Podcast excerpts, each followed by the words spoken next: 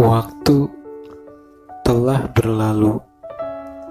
Kini kau dan aku sudah tidak bersama lagi.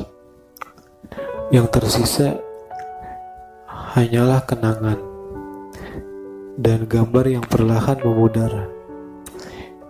Kini kita tak saling mengabari. Dan setelah beberapa bulan kita berpisah, kau mengirim pesan kepadaku. Ku balas pesanmu, namun kau tidak membalasnya lagi. Dan kini, entah apa aku berada di titik penyesalan atau tidak, karena terus terang di tiap malamku namamu selalu terngiang dalam kepalaku. Entah ini hanya rindu, dan entah apa karena ku masih menyimpan rasa kepadamu.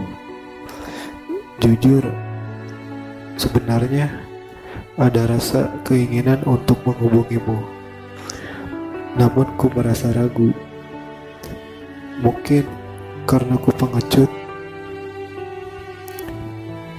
Tapi ya sudahlah daripada nantinya ku menghubungimu lagi hanya membuatmu risih jadi biarkan saja ku tersiksa dengan kerinduan ini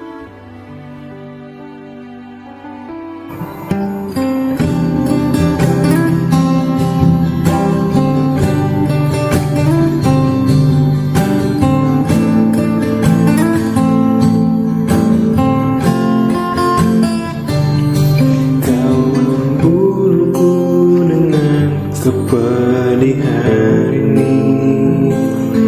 Kau hempaskanku ke dalam retaknya hati.